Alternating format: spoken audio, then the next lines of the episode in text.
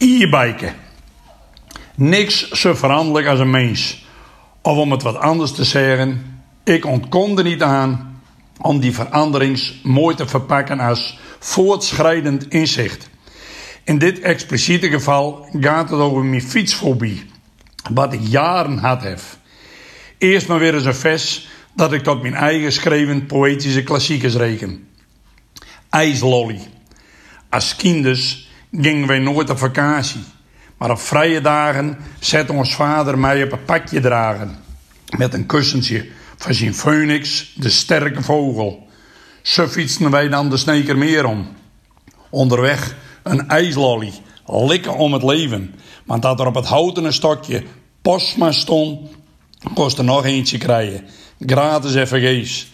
Wat voelde die dan vreselijk riek. Je zou dus zeggen kunnen dat ik goede herinneringen heb aan mijn eerste fietservarings. Maar het kan ook wezen dat het mij alleenig om de ijsko van Postma ging. Veel traumatischer vond ik de fiets die ik kreeg met houten blokken om de pedalen. Veel babyboomers zullen zich dat nog heugen. Gingen ze gewoon zijn grote fiets bij een klein blokkenjonkje. Later kreeg ik ook niks met fietsen. Even en altijd had ik teugewien. Toen ik in het Deurwaaidorp een hommetje woonde en regelmatig een ritje naar een geboortestad Sneek maken moest. De wien draaide altijd in mijn nadeel, harde krasje. En het begrip zadelpine weet ik uit ervaring. Zelfs aan een fiets in de sportschool heb ik een gruwelijke hekel. Misschien heeft dat ook wel te maken met de ondervinding dat ik eens een keer bij het zadeldel geleden ben op een stang van mijn herenfiets. Volkomen onzinnig, een fiets met een stang. Louter ellende. Maar wonder boven wonder ben ik sinds afgelopen zomer van mijn fietsfobie verlost. Sterker nog, ik heb de afgelopen weken meer fietst als in al die voorafgaande jaren. Nou ja, fietsen.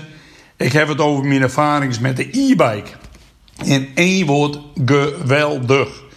Je hoeft amper te trappen en vliegen binnen no time ergens naartoe. Het grieze haar waait me dan om mijn kop en ik voel me zo vrij als Phoenix, de al eerder noemde sterke vogel. Een haarvol argumenten waarom ik de e-bike de hemel in prijs.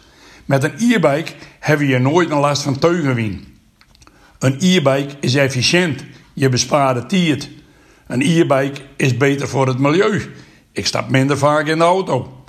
De aanschaf van een e-bike mag dan pittig wezen.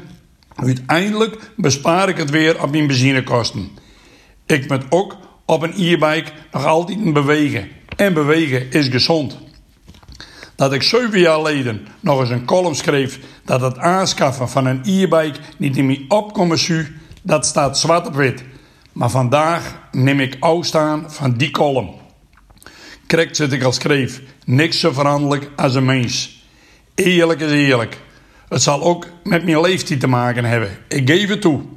En oudere kerels binnen best een beetje ijdel. Want als ik verplicht word om ze nu weer helmke te dragen, dan weet ik niet of ik nou wel e-biken blijf.